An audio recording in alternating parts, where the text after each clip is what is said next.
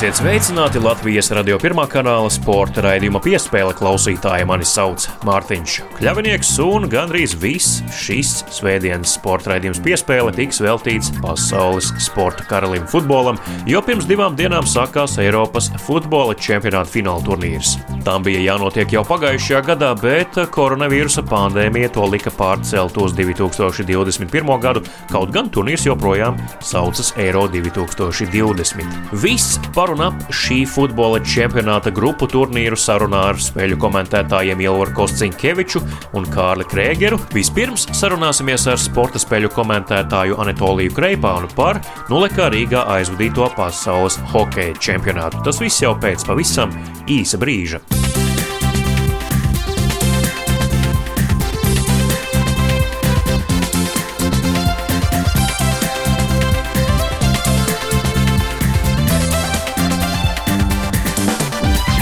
Pirms nedēļas Rīgā noslēdzās pasaules hokeja čempionāts, kurā triumfēja Kanādas izlase, bet sudraba medaļas ieguva Somija. Šis bija neparasts koronavīrusa pandēmijas laika pasaules čempionāts, un par to, kāds tas bijis, mans kolēģis Reinis Grunspeņķis aicināja uz sarunu spēļu komentētāju Anatoliju Kreipānu.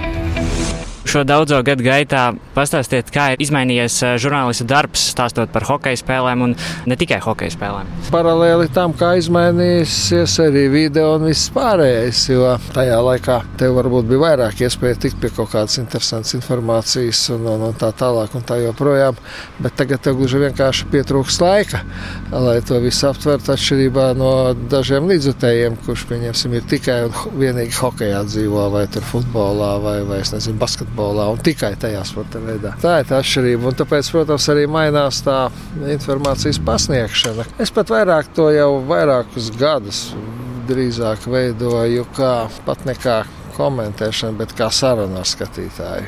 Mēs skatāmies vienu un to pašu, mēs par tām lietām varam pārunāt. Man ir kaut kāda sava viedokļa, man ir daudz kas par to lasīts. Es ļoti daudz ko atceros, ir kaut kāds paralēls. Dažreiz tu pats brīnīties, ka tev no kaut kādām stipri noputējušām atvilknēm galvā izlien pēkšņi kaut kādi interesants fakts, un tu pēkšņi vari salikt kopā ar to, kas notiek. Un, Nu, tas jau viss gadu gaitā sakrājas. Jūs jau pieminējāt, ka jūs to komentēšanu veidojat kā sarunu ar skatītāju, bet, eh, ja jūs paskatāties uz saviem kolēģiem, komentētājiem, kā varbūt eh, tas komentēšanas stils ir mainījies, jo, piemēram, tad, kad nebija televīzijas, bija radio komentētāji, tad vajadzēja pastāstīt visu, kas notiek laukumā, daudz detalizētāk. Varbūt. Nu, protams, radio reportāža man liekas, vispār ir ļoti sarežģīta sportā, jo tev jāuzbur tā aina. Un, eh, nu, Latvijā es nezinu labāku par Gunāru Jakobsonu. Radio reportieri, jā, un es arī biju, esmu bijis dažreiz viņam klāt, kad, kad tas viss notiek uh, Olimpiskajās spēlēs. Man nebija jākomentē Te nekas jādara. Jā, viņš man paaicināja sev līdzi. Es aizgāju viņam līdzi, tur pasēdēt blakus tāpat. Protams, ka tas ir daudz sarežģītāk. Saproti, nu nav viena ideāla jā, komentēšanas stila. Nekad nav bijis un nebūs. Tāpat kā pasaulē nav grāmatas, kas patiktu pilnīgi visiem.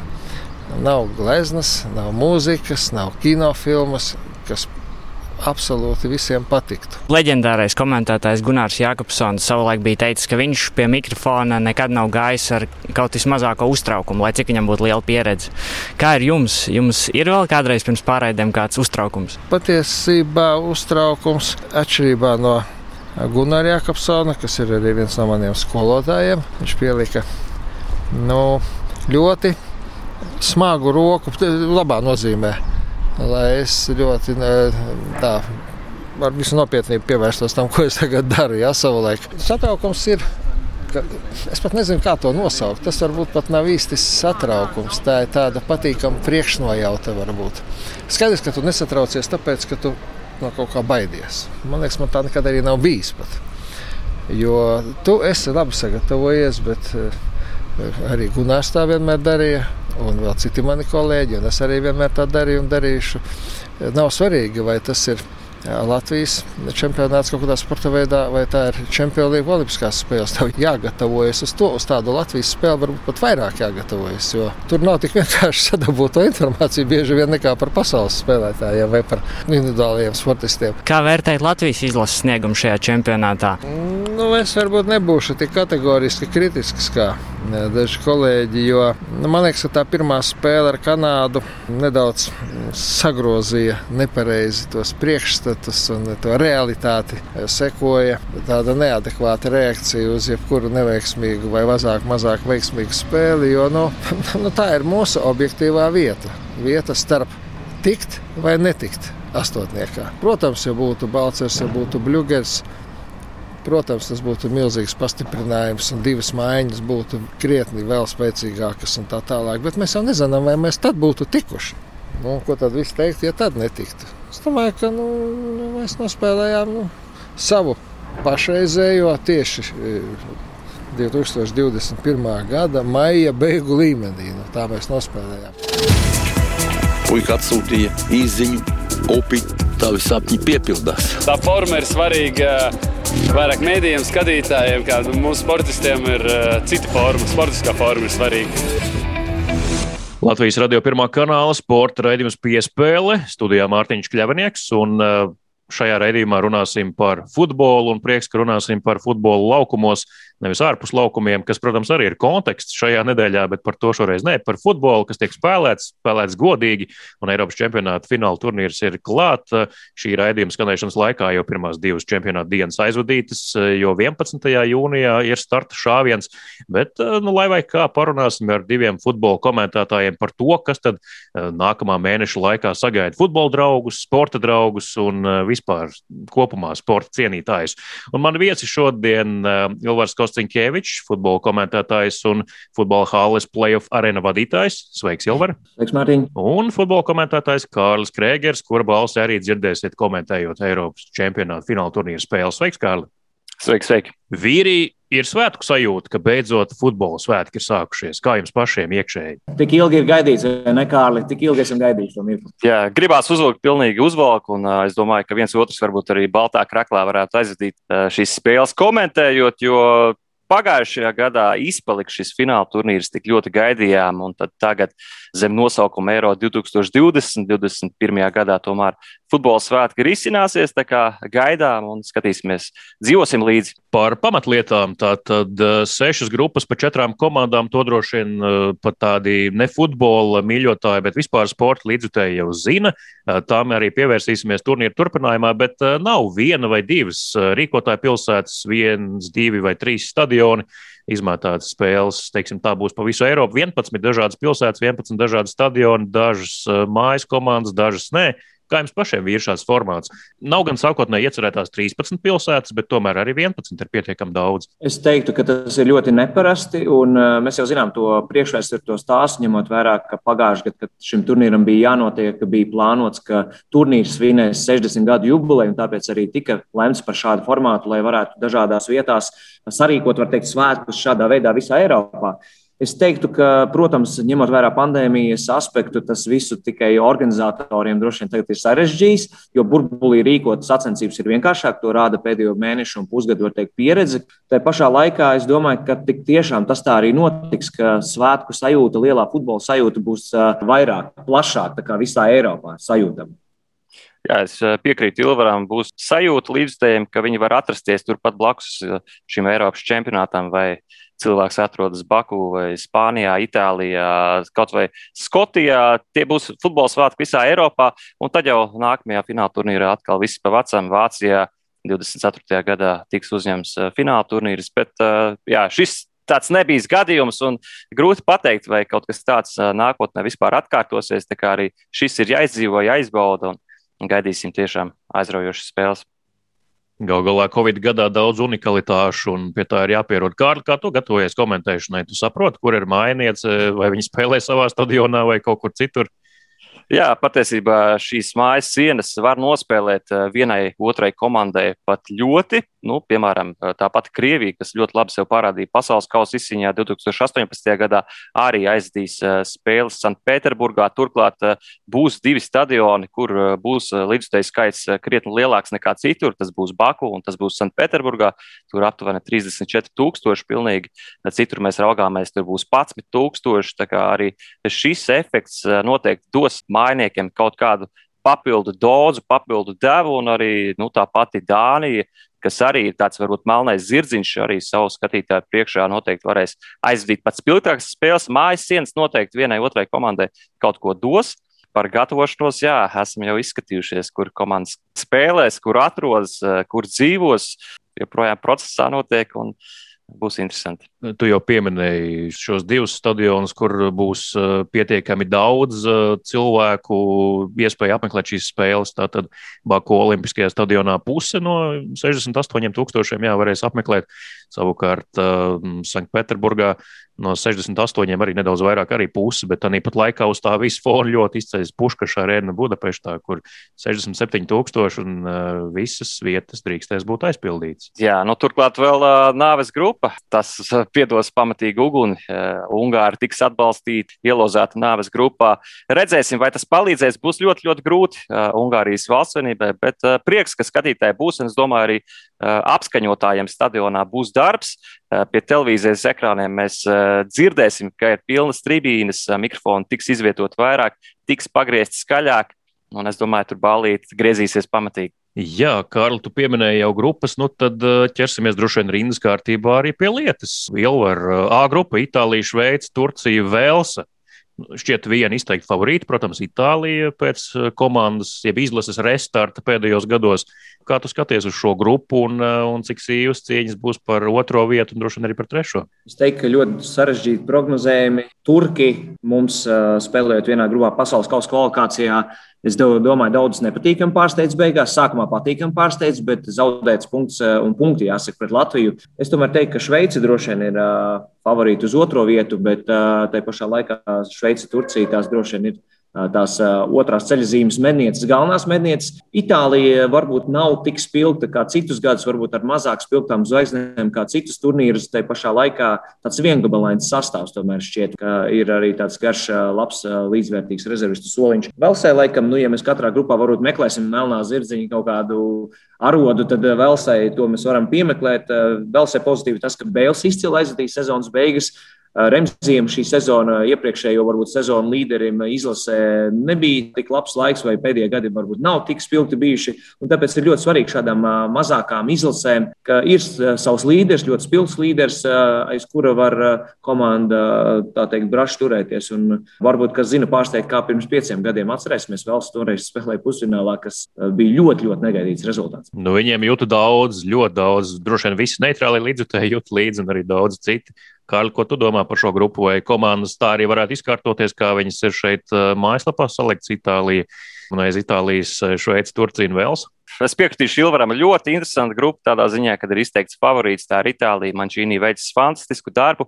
Atceramies, bija fiasko komanda, neiekļuva pasaules kausa izcīņā, bet iepriekšējā Eiropas čempionātā kontas vadītā vienība to brīdi izsita arī Spāniju un uh, knapi, knapi piekāpās Vācijai. Cīņa par otro vietu būs ļoti karstsinīga. Turcijai šis 36 uh, gadus vecais Ilmas aizvadīja teicamu sezonu Lillē, arī ir viens no izlases uh, līderiem. Šveicei ir šis komandas gars, varbūt nav tāds izteikts līderis, savukārt Velsē, jā. Manuprāt, Velsē ir vājāka komanda šogad nekā tas bija 2000. 2016. gadā arī paša Vēlsas līdzstēji tam piekrīt un nekādas augstās izredzes nelolo šoreiz, bet es teiktu, ka Itālija pirmā un es ieliktu patiesībā Turciju otrajā vietā. B grupa - Beļģija, Dānija, Somija, debitante un Krievija mainiece. Nu, man uh, simpatizē Beļģijas komanda jau pēdējos uh, 4-5 gadus, bet Nu, vai šis ir viņa turnīrs? Tas tāds jautājums droši vien. Es zinu, varbūt viņa turnīrs bija iepriekšējais turnīrs.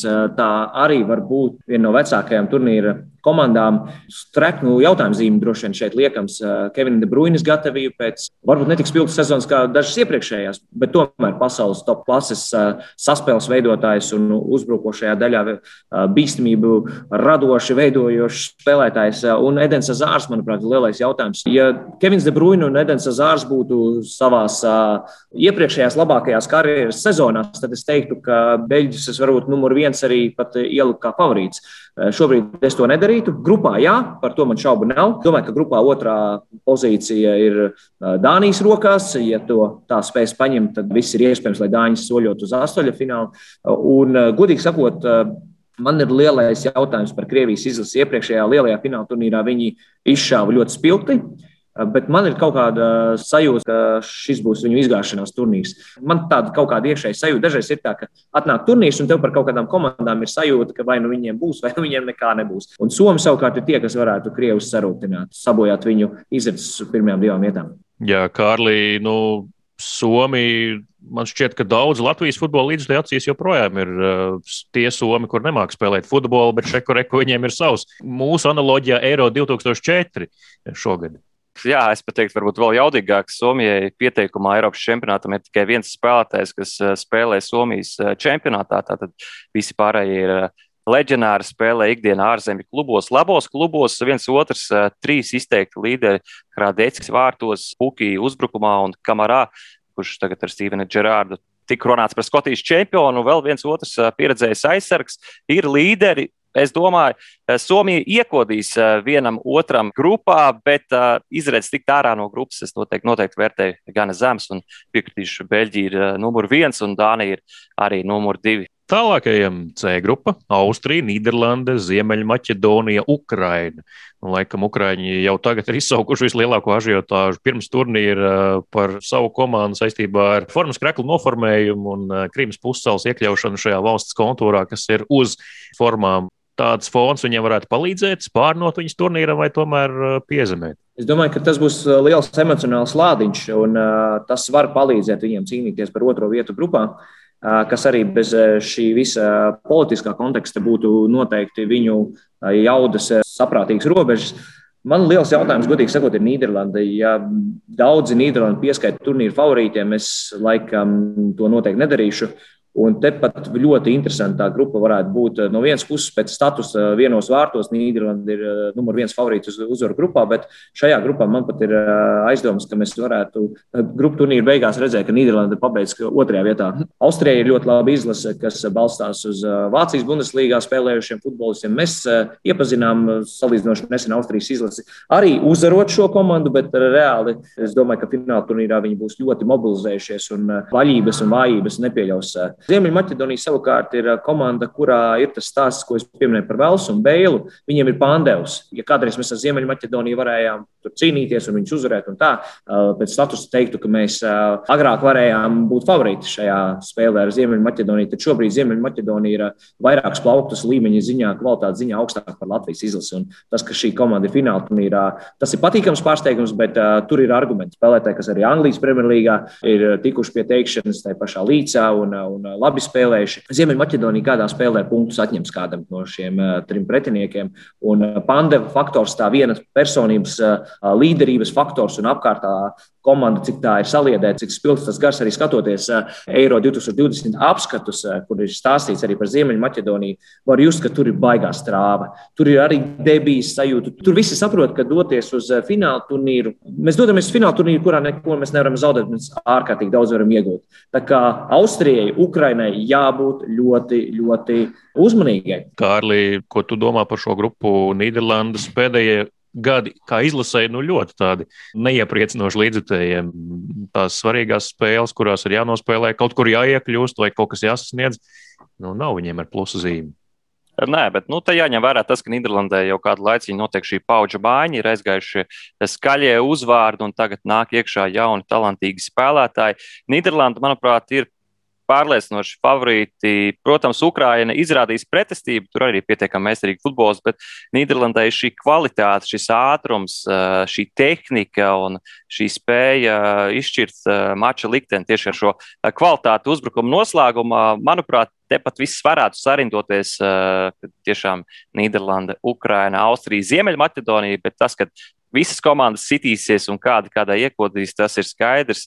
Nu, jāņem vērā vispār, ka eh, šajā Eiropas čempionātā, lai gan mēs varam savilkt tos grupas līderus, favorītus, bet skatāmies, kas notika Eiropas uh, futbola klubu sezonā, cik daudz pārsteigumu bija jauni čempioni, tur kaut vai tajā pašā Premjerligā, pirmajā aplī septiņas komandas. Vai astoņas pat pabija pirmajā vietā. Es ticu, ka arī Eiropas čempionātā būs kāds pelnrašķīts stāsts. Jā, un te jāpiemina Nīderlandes kontekstā Virģila van Deika faktors. Nebūs komandas līderi un viena no labākajiem spēlētājiem pasaulē. Un tas vairāk jau attiecināms uz to posmu, kad Nīderlanda būs ārā no grupas un cīnīsies izslēgšanas spēlēs. Tas būs tas, kas Nīderlandai ārkārtīgi pietrūks. D grupa - Horvātija, Čehija, Anglija un Skotija. Nu, ja Anglija un Skotija ir vienā grupā, tas jau ir interesanti. Jā, tās divas ar ļoti garu pagātni. Pirmā startautiskā izlašu spēle notika pasaules futbola vēsturē tieši starp Angliju un Skotiju. Un tur ir ļoti daudz tādu zemtekstu, vēsturiskais, politiskais, sportiskais. Uh, tur var runāt un runāt par šo dueli vien. Skaidrs, ka Anglija ir super favorīti šajā grupā no vienas puses, tāpat kā viņi ir favorīti vispār turnīrā. Daudz šo izlasi starp favorītiem min, bet es teiktu, ka šī varbūt pat ir pati neparedzējamākā grupa. Jo Skoti ir tie, kas ir pastarījuši šajā grupā, bet te pašā laikā, nu, ja, ja vispār var par Skotiem runāt kā pastarīšiem, bet tur ir tik gana daudz eh, Premjerlīgā ikdienā spēlējušu futbolistu, labā līmenī spēlējušu futbolistu. Čehija ir Saučiks, kurš ir apbrīnojams vidējā līnijā, un tāda laba Čehiem vienmēr laba izlase. Jā, Angļi, Horvāti vienmēr ir pakāpē augstāk, ja mēs skatāmies uz šī kvartetu, bet te būs ļoti, ļoti interesanti. Te tas mikslis būs eh, iespējamā kompozīcija, ka gandrīz katram kaut ko atņem, un, eh, un tā vieta tabulā. Un Anglijam arī es, es teiktu, ka negaidu neko vieglu. Īpaši viņiem varbūt mazliet neizdevīgi, ka viņiem pirmā spēle ir pret Horvātiju, iespējams, otru stiprāko komandu grupā. Līdz ar to nedod Dievs, nesanāks pirmā spēle, neaizies pirmā spēle. Nu, tad tur būs pamatīga stresa deva. Bet tas, ka, protams, Vembelīs stadionā un mājās var spēlēt Angļu, tas, protams, viņiem ir super pluss un priekšrocība. Horvāti ar labām atmiņām par iepriekšējo pasaules kausu, vai tas viņiem palīdzēs pārnos viņus, Kārli? Nu, joprojām liela daļa līderu ir palikuši komandā, ja skatāmies video līniju. Modričs, Kovačičs, Brozovičs, uzbrukumā Rebičs, Perišičs. Nu, šādi uzvārdi, kas ir aizvadījuši arī labas sezonas klubu līmenī, noteikti būs pamatīgs balsts. Un es domāju, Horvāti, nu, viņiem vajadzētu tikt ārā no grupas kopā ar Angļiem. Bet jā, ar Skotiju Angliju tā būs pamatīga balīta, ļoti gaidīta spēle. Ir vairākas tādas lielas sacensības Eiropas futbolā. Tur ir Vācija, Nīderlande, Spānija, Portugāli ar tiem politiskajiem vēstures zemtekstiem. Un, kā jau Vilvers minēja, tā ir arī Anglija pret uh, Skotiju. Skoti varētu pārsteigt, un uh, kaut kādā veidā es turēšu nedaudz arī īkšķi par viņiem. Dodamies tālāk, E-grupa. Polija, Slovākija, Spānija, Zviedrija. Nu, šī tāda grupa, kur uh, šķietam viens izteikts favorīts. Tāpat laikā tur tāds sajaukums un pēc tam rēķināšana varētu būt. O jā, te matemātika varētu būt ļoti interesanta cīņā par otro vietu, lai arī e, Slovākija skaitās e, pastarīs šajā kompānijā vai pēc ranga zemāk. E, droši vien poļiem supertrumps, protams, ir Levandovska faktors, bet jā, Polija, Zviedrija tas būs supermačs, tas ļoti daudz ko izšķirs. Žēl, protams, ka Zviedrijam nav Zlatana Ibrahimoviča, jo tas tomēr būtu skaisti, ka tik rūtīts, pieredzējis un uh, Meistarīgs spēlētājs vēl skaisti ar lielo finālu turnīru atvedās, bet, diemžēl, šoreiz tas neizdevās. Ar Spāņiem ir tā, nu, ja Spāņi nesen vācieši spēja sagraut ar 6-0, lai arī pārbaudas spēli. Tomēr Spāņiem principā bija iepriekšējais labs cikls. Tur, protams, ir lietas, kas mulsina. Sergio Ramosa neiekļaušana sastāvā, lai arī viņš teicās, ka jau ir vesels un varētu palīdzēt. Un tāds diezgan zaļš sastāvs Spāņiem ir. Spāņi var tālu tikt, un Spāņi, cik es skatos arī apkārt draugu lokā un, un prognozēs, es spāņus par čempioniem retais, kurš prognozē.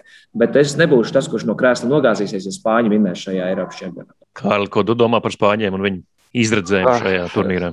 Nu, principā Spāņiem ir palikuši tikai divi pieredzējuši spēlētāji, ko mēs esam redzējuši tādā ilgtermiņā. Tas ir Buskets, kurš arī tagad ir nedaudz apslimis ar šo pandēmiju, un ir vēl Alba. Tad ir pāris spēlētāji, kas tur ir gozējušies kādu laiciņu, bet tiešām arī Spānija ir viena no tām izlasēm, kur ir notikusi paudžu maiņa. Un šeit vēl interesants faktors ir, kas būs pirmais numurs vārtos, jo pagaidām neviens pats spāņu žurnālists īsti nevar atbildēt uz šo jautājumu. Vai tas būs Davids Dehea, kurš aizved ik pa laikam tādas ļoti sarežģītas spēles, kļūdās, vai jaunais Sančes no Braitonas izsaukts nu pat, Unais Simons eh, patiesībā, kurš arī beigās varētu būt tas vārtu vīrs. Un, jā, jauna aizsarga, interesanti, ka šis Laports, eh, kādreizējais Francijas izlases kandidāts, eh, tagad ir iekļauts Spānijas izlasē. Un kas zina, varbūt abas divas komandas kaut kur tiksies un Laports gūs uzvaras vārtus. Par pārējām komandām, nu, Polija, manuprāt, ir stabila otrā vieta. Šīs superzvaigznes tomēr no Itālijas, no citām komandām, ne tikai Levandovskis. Poļiem ir ļoti labs sastāvs. Un, nu, jāsaka, es liktu Slovākiju tiešām kā grupas pastarīt, tāpat kā D grupā Čehiju. Un, nu, Zviedri kaut ko mēģinās un varbūt izies no grupas kā trešā vieta. Turklāt vēl kas interesants, Zviedriem ir šis Henrika Lāšona, Lārsona, sauksim, dažādi dēls izlasē, kurš arī ir aizdījis ļoti labu sezonu. Un, uh, paskatīsimies, kā viņam veiksies. Nav Ibrahimovičs, bet ir šis spēlētājs. Ar Zviedriem ir vienmēr ļoti interesanti. Pie favorītiem, protams, viņus nekad eh, gan arī nepieskaitīja. Ja, protams, nepaskatāmies mazliet tālākā pagātnē, kad viņiem arī bijuši tīri augstas vietas fināla turnīros, bet, eh, bet viņi vienmēr ir tik stabili, ka viņi vienmēr tiek ārā no grupas un spēlē izslēgšanas spēlēs. Zviedriem kā tautai, laikam, tā daba ir tāda, ka beigās tomēr viss ir labi ar viņiem? Ja, lai nu, kāds... Nu, izpeldēt, kā jau vikingi. Jā, jā, jā, lai kādas ziepes būtu, tomēr beigās viss ir labi. Labi, bet vai būs labi F grupā? Nu, laikam vissaldākais no ēdieniem, kāds vien varētu tikt pasniegts uz Eiropas uh, fināla turnīra galda grupu turnīra fāzē - Francija, Vācija. Portugāli un, protams, arī Ungārija. Titula aizstāvētāji, portugāļi, tāpat arī vācieši, ko mēs nu pat redzējām, pret Latviju spēlējam, ko Latvijas komanda cerams, ka labi sagatavoja fināla turnīram. Protams, francūži un neaizmirsīsim par Ungāriem, ko mēs jau minējām, kuri drīkstēs spēlēt savu tribiņu priekšā, pilnu tribiņu priekšā.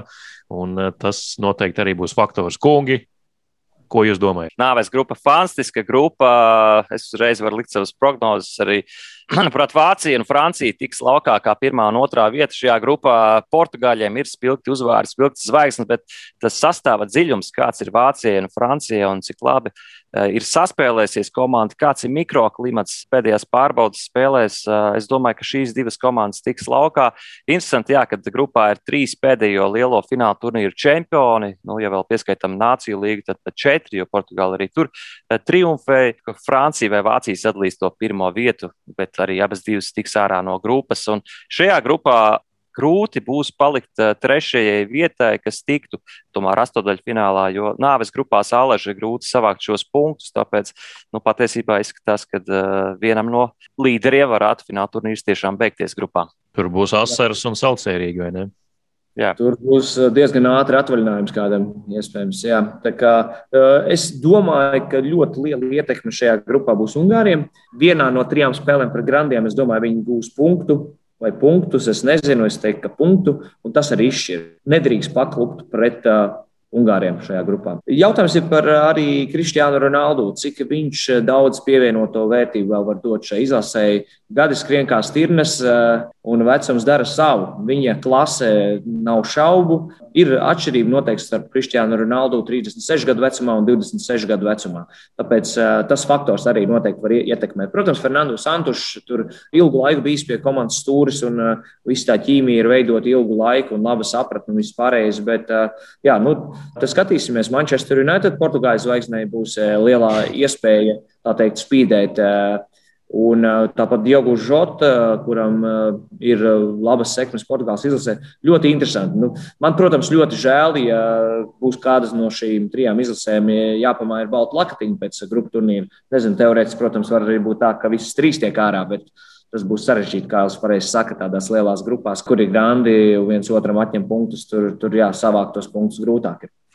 Jā, kungi, man jāsaka jums paldies. Futbola komentētāji Ilvars Kostiņkevičs un Kārlis eh, Kregers eh, bija mani sarunu biedri. Šobrīd, kad Eiropas čempionāts eh, jau nedaudz ir ieskrējies, pirmās divas dienas aizvadītas, esam trešajā, bet uh, tomēr uh, ir vēl laiks, tā teikt, paskatīties kopumā uz turnīru, jo tas ir tik, tikko sācies.